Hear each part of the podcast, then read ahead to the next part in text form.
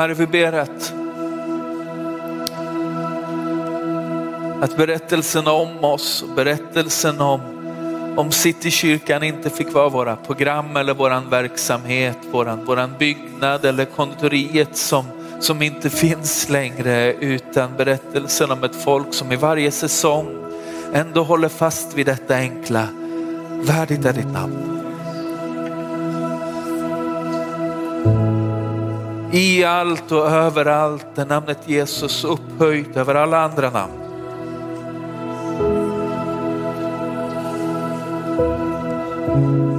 Så den här morgonen där vi är som individer och där vi befinner oss som kollektiv så lyfter vi en gång till blicken mot dig och så säger vi från den här platsen Herre, med allt vad den rymmer av unika möjligheter att proklamera namnet Jesus så säger vi värdigt är ditt namn. Upphöjd över allt är du. Du är våran frälsning, du är våran framtid, du är vårat hopp och du är våran frid. Värdigt är ditt namn. Och över den här gudstjänsten och över, över förkunnelsen och över allt som är kvar så ber vi att du skulle vila med din heliga ande. Att du skulle göra ordet levande för oss, att du skulle Ge oss igen nåden att ha öron som hör och hjärtan som är redo att ta emot det som du har att ge. Herre, vi tackar dig för din församling. För vad hon är och för gåvan det får vara till oss. Kom helige Ande.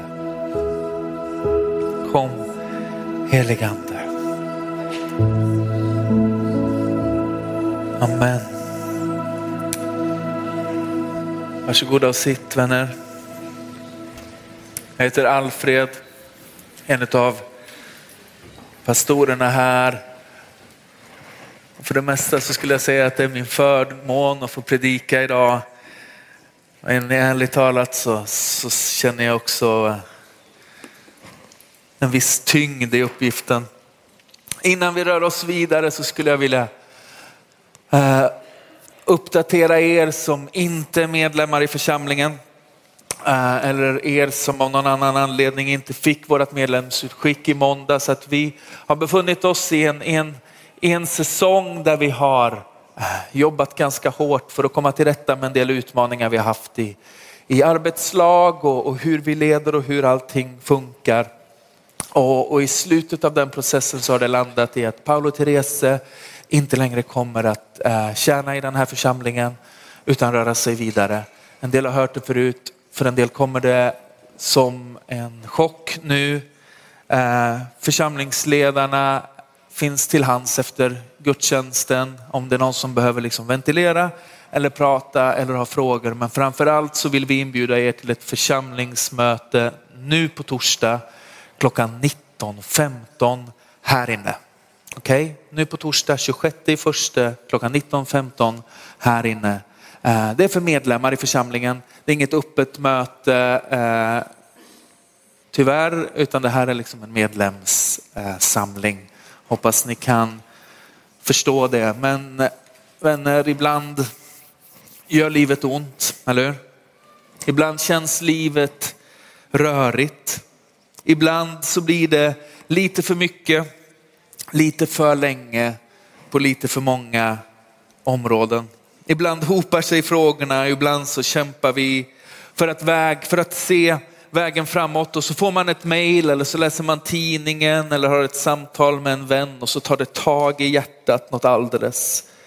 Och så finner man sig plötsligt bärandes på en oro, en rädsla, en tyngd eller en börda som alldeles nyss inte fanns där. Ni vet hur det är, eller hur? Igår var Helen och jag ute och promenerade med våra hundar, Alex och Daisy. Kanonnamn på två hundar. Eh, och vi gick längs eh, stranden på Dreviken i Sköndal där vi bor. Och så mötte vi några, några vänner som vi känner från liksom långt tillbaka som råkar bo i Sköndal, som är med i en annan församling här i stan. Och, och så inser vi att hela vårt samtal i sin korta stund, liksom, fem, sex minuter för de skulle vidare, handlade om, om, om våldet som finns runt omkring oss, om, om skjutningarna, om stöket, om eländet och hur det liksom har befunnit sig runt våran lilla värld i Stockholm där vi bor. Farsta, Skarpnäck, Gubbängen. Eh, det sker på fler ställen runt om i vår värld också, men, men jag kan inte undvika att, liksom, att det kommer in lite tankar i mig som jag inte brukar tänka. Är barnen trygga? Vågar jag släppa ut dem på kvällarna? Tänk om det bor någon i våran trappuppgång med anknytning till något gäng. Vi befinner oss i en sån där säsong som stad och som församling där, där det finns en del frågor att ställa och det finns en del bördor att bära. Eh, och frågan är, hur är vi församling när livet gör ont och vi samtidigt, samtidigt befinner oss mitt i en storm tillsammans med resten av staden runt omkring oss. Och jag tror att, att jag bara den här morgonen skulle vilja ge några små liksom, enkla redskap in i det som vi är i just nu. Känns det okej? Okay? Mm. Ska vi läsa tillsammans från psalm 81. Jag lyfter mina ögon till bergen. Varifrån kommer min hjälp? Min hjälp kommer från Herren som har gjort himmel och jord, som in, inte låter han din fot vackla, inte slumrar han som bevarar dig. Nej, han som bevarar Israel, han slumrar inte, han sover inte. Herren bevarar dig. Herren är ditt skydd på din högra sida. Solen ska inte skada dig om dagen, inte månen om natten. Herren ska bevara dig från allt ont. Han ska bevara din själ. Herren ska bevara din ingång från nu och till evig tid. När mina känslor kidnappar mitt hjärta så behöver jag navigera utifrån en punkt som är utanför mig själv. Jag behöver fästa blicken på Jesus. För att resonera med ett oroligt hjärta ger aldrig lugnande svar. Har ni märkt det? Jag behöver lyfta min blick mot Jesus för i hans blick finns tröst för min sorg, mod i min rädsla och luften att vila i. Min framtid vilar inte i mina tankar om den utan i hans luften för den. Min framtid vilar inte i mina tankar om den utan i hans luften för den. Vad är det salmen säger? Lyft blicken. Herren är mitt skydd. Herren bevarar mig från nu och till evig tid. När livet liksom tränger på, vad det än må vara, nu har vi liksom våran utmaning, men när vi hamnar på de där platserna, när allt jag ser är toppen på mina egna tår, så påminner salmisten mig om att lyfta blicken. Inte för att glömma bort för en stund hur mina omständigheter ser ut utan för att fästa blicken på honom som berättar en annan berättelse än vad mina omständigheter berättar. Lukas kapitel 12 och vers 22 säger så här. Sen sa Jesus till sina lärjungar, därför säger jag er, bekymra er inte för ert liv, vad ni ska äta eller för er kropp vad ni ska klä er med. Livet är mer än maten och kroppen mer än kläderna. Se på korparna, de varken sår eller skördar, de har varken förråd eller lada och ändå föder Gud dem. Hur mycket mer värda är inte ni än fåglarna? Vem av er kan med sina bekymmer lägga en aln till sin livslängd? Om ni inte ens förmår så lite, varför bekymrar ni er då för allt det andra?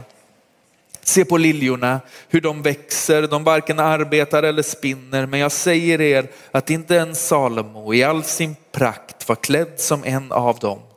Om nu Gud ger sådana kläder åt gräset som idag står på ängen och imorgon kastas i ugnen, hur mycket mer ska han då inte klä er? Så lite tro ni har. Fråga inte vad ni ska äta och dricka, oroa er inte. Allt detta söker hedningarna i världen efter, men er far vet att ni behöver det. Nej, sök hans rike så ska ni få detta också. Var inte rädd, du lilla jord, för er far har beslutat att ge er riket. Sälj vad ni äger och ge åt de fattiga. Skaffa er en börs som inte slits ut, en outtömlig skatt i himlen dit ingen tjuv når och där ingen mal förstör. För där er skatt är, där kommer också ert hjärta att vara. Bekymra er inte. Jag tror inte att någon här inne kan påstå sig att vara befriad från oro på någon nivå, eller hur? Jag har ännu inte mött en mamma som, som någon gång inte oroar sig för sina barn. En student som inte oroar sig över sina betyg eller en ung vuxen som någon gång inte oroar sig över hur besluten som jag fattar nu ska påverka resten av mitt liv. Och kände du inte oro innan så, så hugg det till nu när man sätter orden på det. Så. Vi sitter med våran 15-åring hemma nu som ska välja gymnasie. Och det är väl kanske på ett sätt inte hela världen, men det är också ett stort beslut att lägga på en 15-åring. Vad vill du bli när du blir stor? Oron är något vi alla har känt, en plats vi alla har befunnit oss på. Men det finns en punkt när oron frestar mig att hålla hårt i det som är mig kärt istället för att lita på Guds omsorg om mig. Och motgiftet mot min oro är inte att nonchalant rycka på axlarna och tänka att det blir som det blir. Motgiftet mot min oro är att förtrösta på hans godhet. För jag kommer alltid befinna mig i situationer, eller jag kommer då och då befinna mig i situationer, då och då möta utmaningar när jag med mitt intellekt, inte riktigt klarar av att se runt hörnet och få fatt i det som ligger framför. Jag vet inte hur det ska lösas. Jag vet inte hur vägen framåt ser ut och om jag ska försöka lugna mig själv med mig själv så blir det en tuff resa liksom. Och jag vet inte heller om det funkar att bara liksom peppa sig själv med en lista av bibelord som jag talar ut. En del gillar det där, jag har aldrig riktigt fått fatt i den grejen.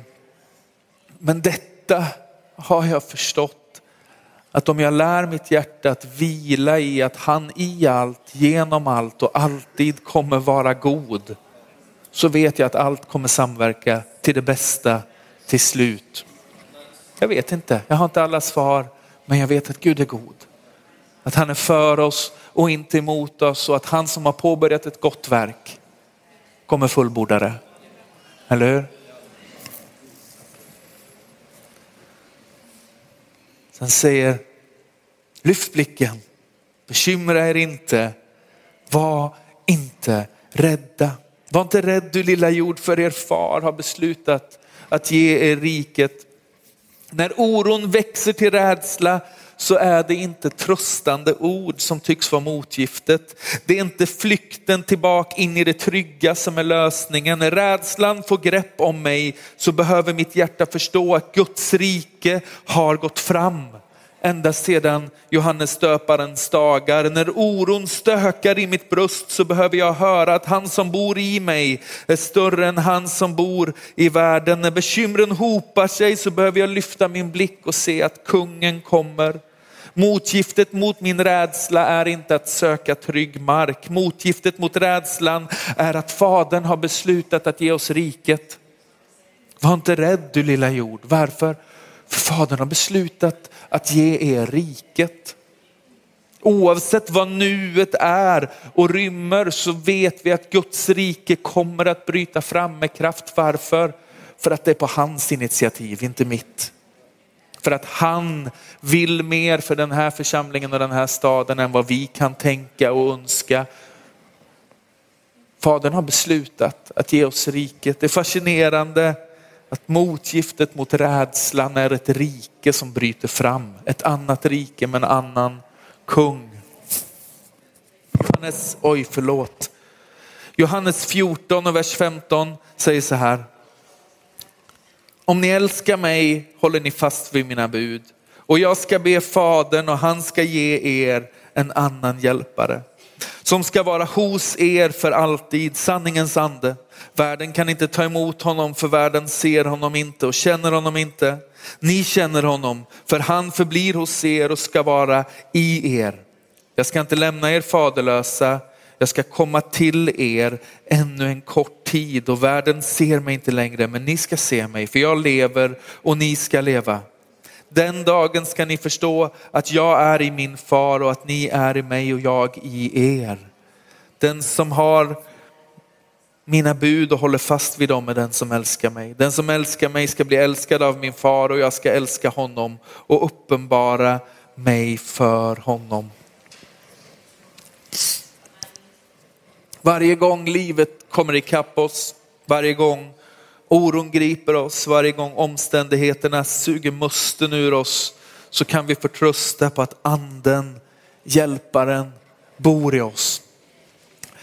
Vi har gasat på ganska hårt de senaste nio månaderna och vi har haft väldigt mycket runt oss här och vi har haft mycket runt oss hemma som, som familj. Och, och någonstans i fredags, du vet lagom till att slå på tvn i någon handbollsmatch som jag inte vet vilka som spelade så, så kände jag bara nu, nu tog batteriet slut. Liksom. Nu gick musten ur mig, nu blev jag trött på riktigt. Inte trött som i att det vore gött att gå och lägga sig en stund utan trött som i att jag vill nog bara liksom dra täcket över huvudet och dyka upp igen när det blir vår. Ni vet, trött på det sättet.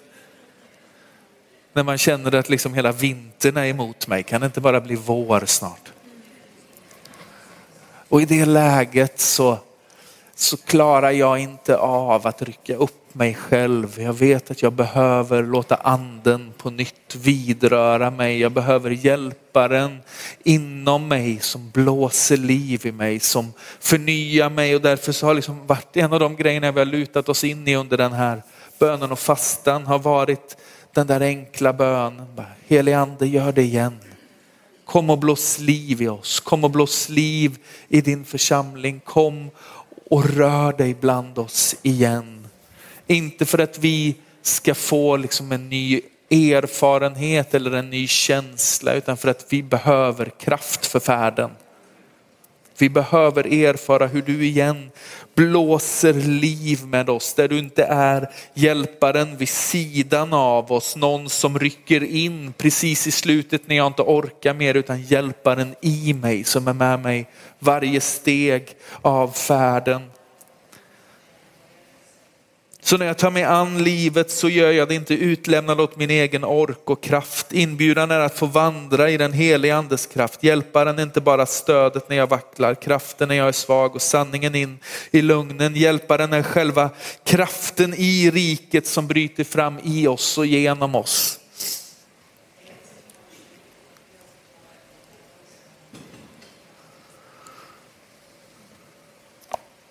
Kolosserbrevet 1 säger så här i vers 24.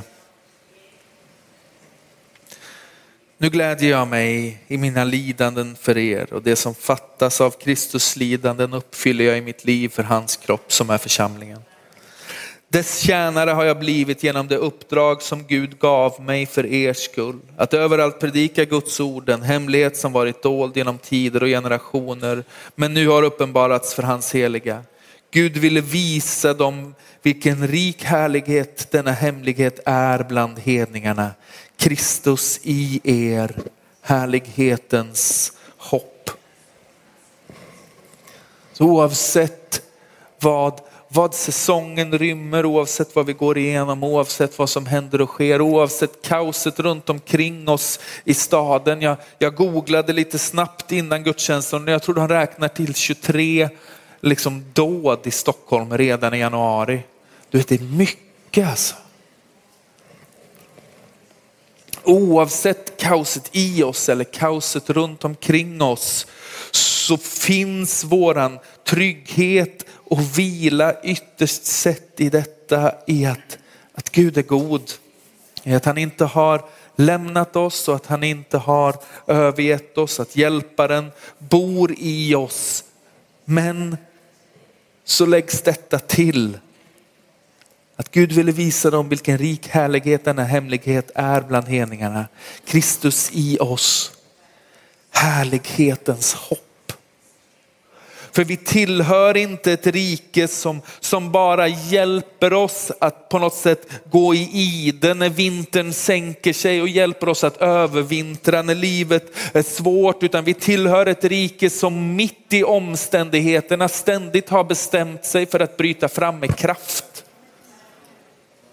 Inte på grund av hur mycket vi liksom orkar peppa upp oss själva eller ta tag i oss själva utan för att riket är på frammarsch. Det är sån han är, det är så han jobbar. I brustna kärl så har Gud lagt skatten och så känner vi, Gud jag vet inte. Jag känner mig inte sådär superfit for fight just nu. Jag skulle nog helst bara vilja vet, få lite själavård eller någonting. Eller ännu hellre bara få gå ut i skogen en stund. Det är samma sak för mig tror jag.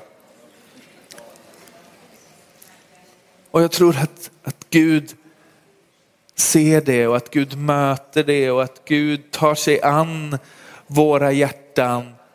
Men samtidigt så bryter riket fram med kraft. Samtidigt gör Gud någonting fantastiskt. Samtidigt så har Gud bestämt sig för att låta den här staden få uppleva kraften i evangelium på ett sådant sätt så att det förändrar allt i grunden. För det har aldrig handlat om, om dig och mig och kanske är det till och med så att liksom någon sorts tillfällig känsla av att vara svag snarare är insikten om vad vi alltid har varit. Brustna kärl, men hans kraft fullkomnas i svagheten.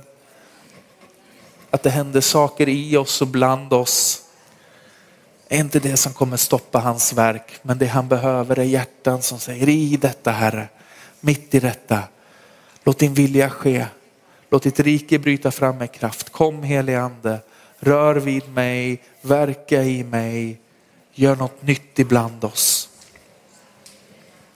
Att Jesus Kristus bor i oss genom sin ande är hopp. Hopp om en kommande härlighet men också hopp om riket ibland oss. Riket som bryter fram med kraft, riket som skingrar mörker, som torkar tårar, som hela sår, som fördriver ondska och som bryter oken och byter strid mot frid.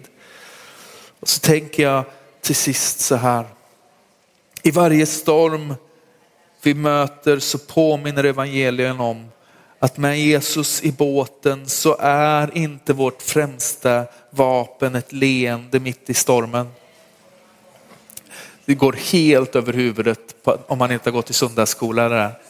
Det var en sång som jag inte vet hur mycket nytta den har gjort. Vårt främsta vapen är inte ett leende mitt i stormen utan hjärtats djupa vila i att han som är med mig är stormens överman. Han som är med mig är stormens överman.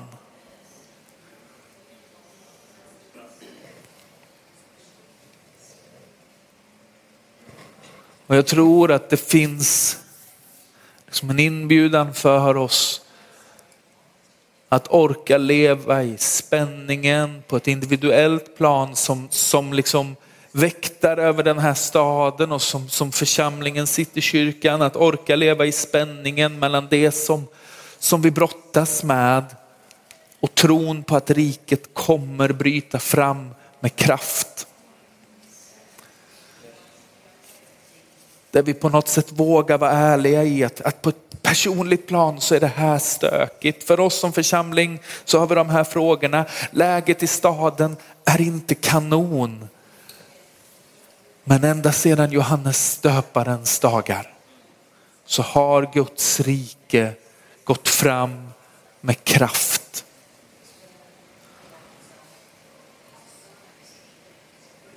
Och våran bön, våran längtan, vårt hjärta är att vi i det som, som händer och sker och pågår skulle få ta vår tillflykt till honom. Att vi tillsammans skulle lyfta blicken emot bergen, att vi igen skulle få fatt i hur oändligt mycket större vår Gud är än de omständigheterna som vi står inför och när vi förstår vem som är för oss. Vem kan då stå emot oss? Eller hur?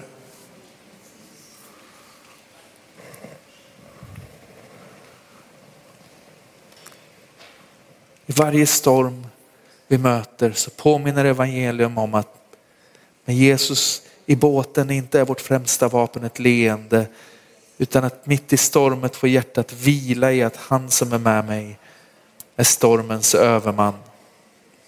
Ska vi stå upp tillsammans?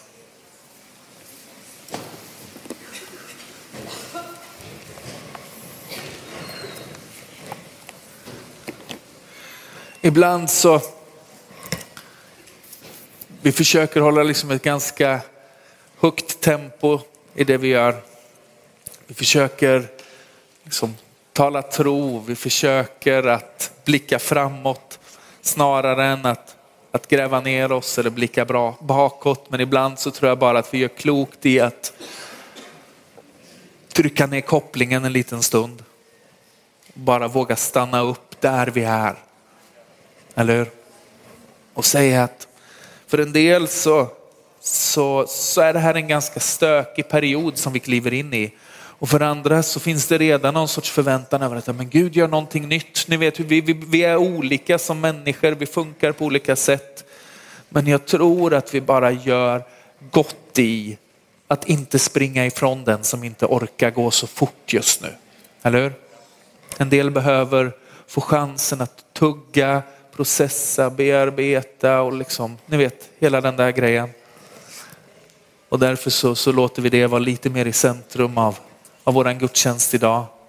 Och vi tänker att det är okej okay vi måste inte ignorera det svåra för att tro på att Guds rike kan bryta in med kraft. De är inte i krig med varann. I svagheten kan Gud göra något fantastiskt, eller hur?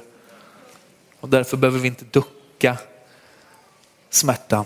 Därför behöver vi inte ducka upptäcka att allt blir inte alltid som vi vill och som vi hade hoppats på. Men dock är du den helige, eller hur? Ska vi be tillsammans?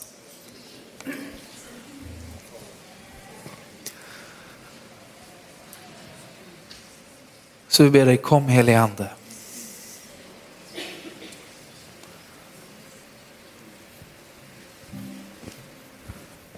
Du som är våran hjälpare, kom, kom med hjälp. Du som är våran, våran tröstare, kom med, kom med tröst. Du som är kraft till liksom genombrott och seger, kom med din kraft. Helige Ande, vi, vi bekänner i den här säsongen minst lika mycket som i någon annan säsong vi har varit i. Att vi är i behov av att du, att du fyller oss. Att du bistår oss, att du leder oss, att du möter oss. Vi behöver få känna oss sällsamt värmda av din närvaro. Vi behöver få känna hur du på något sätt kliver in mitt i det som vi är och det som, det som sker och ger oss styrka och kraft. Att du ger oss riktning och hopp. Kom helige Ande. Och så ber vi att du skulle pränta in i våra hjärtan att honom som vi tillhör, han är stormens överman. Han är stormens överman.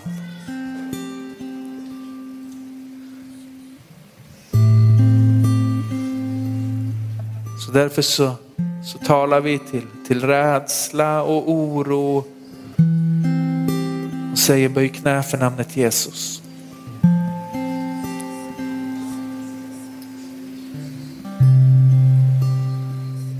Kom helige Ande.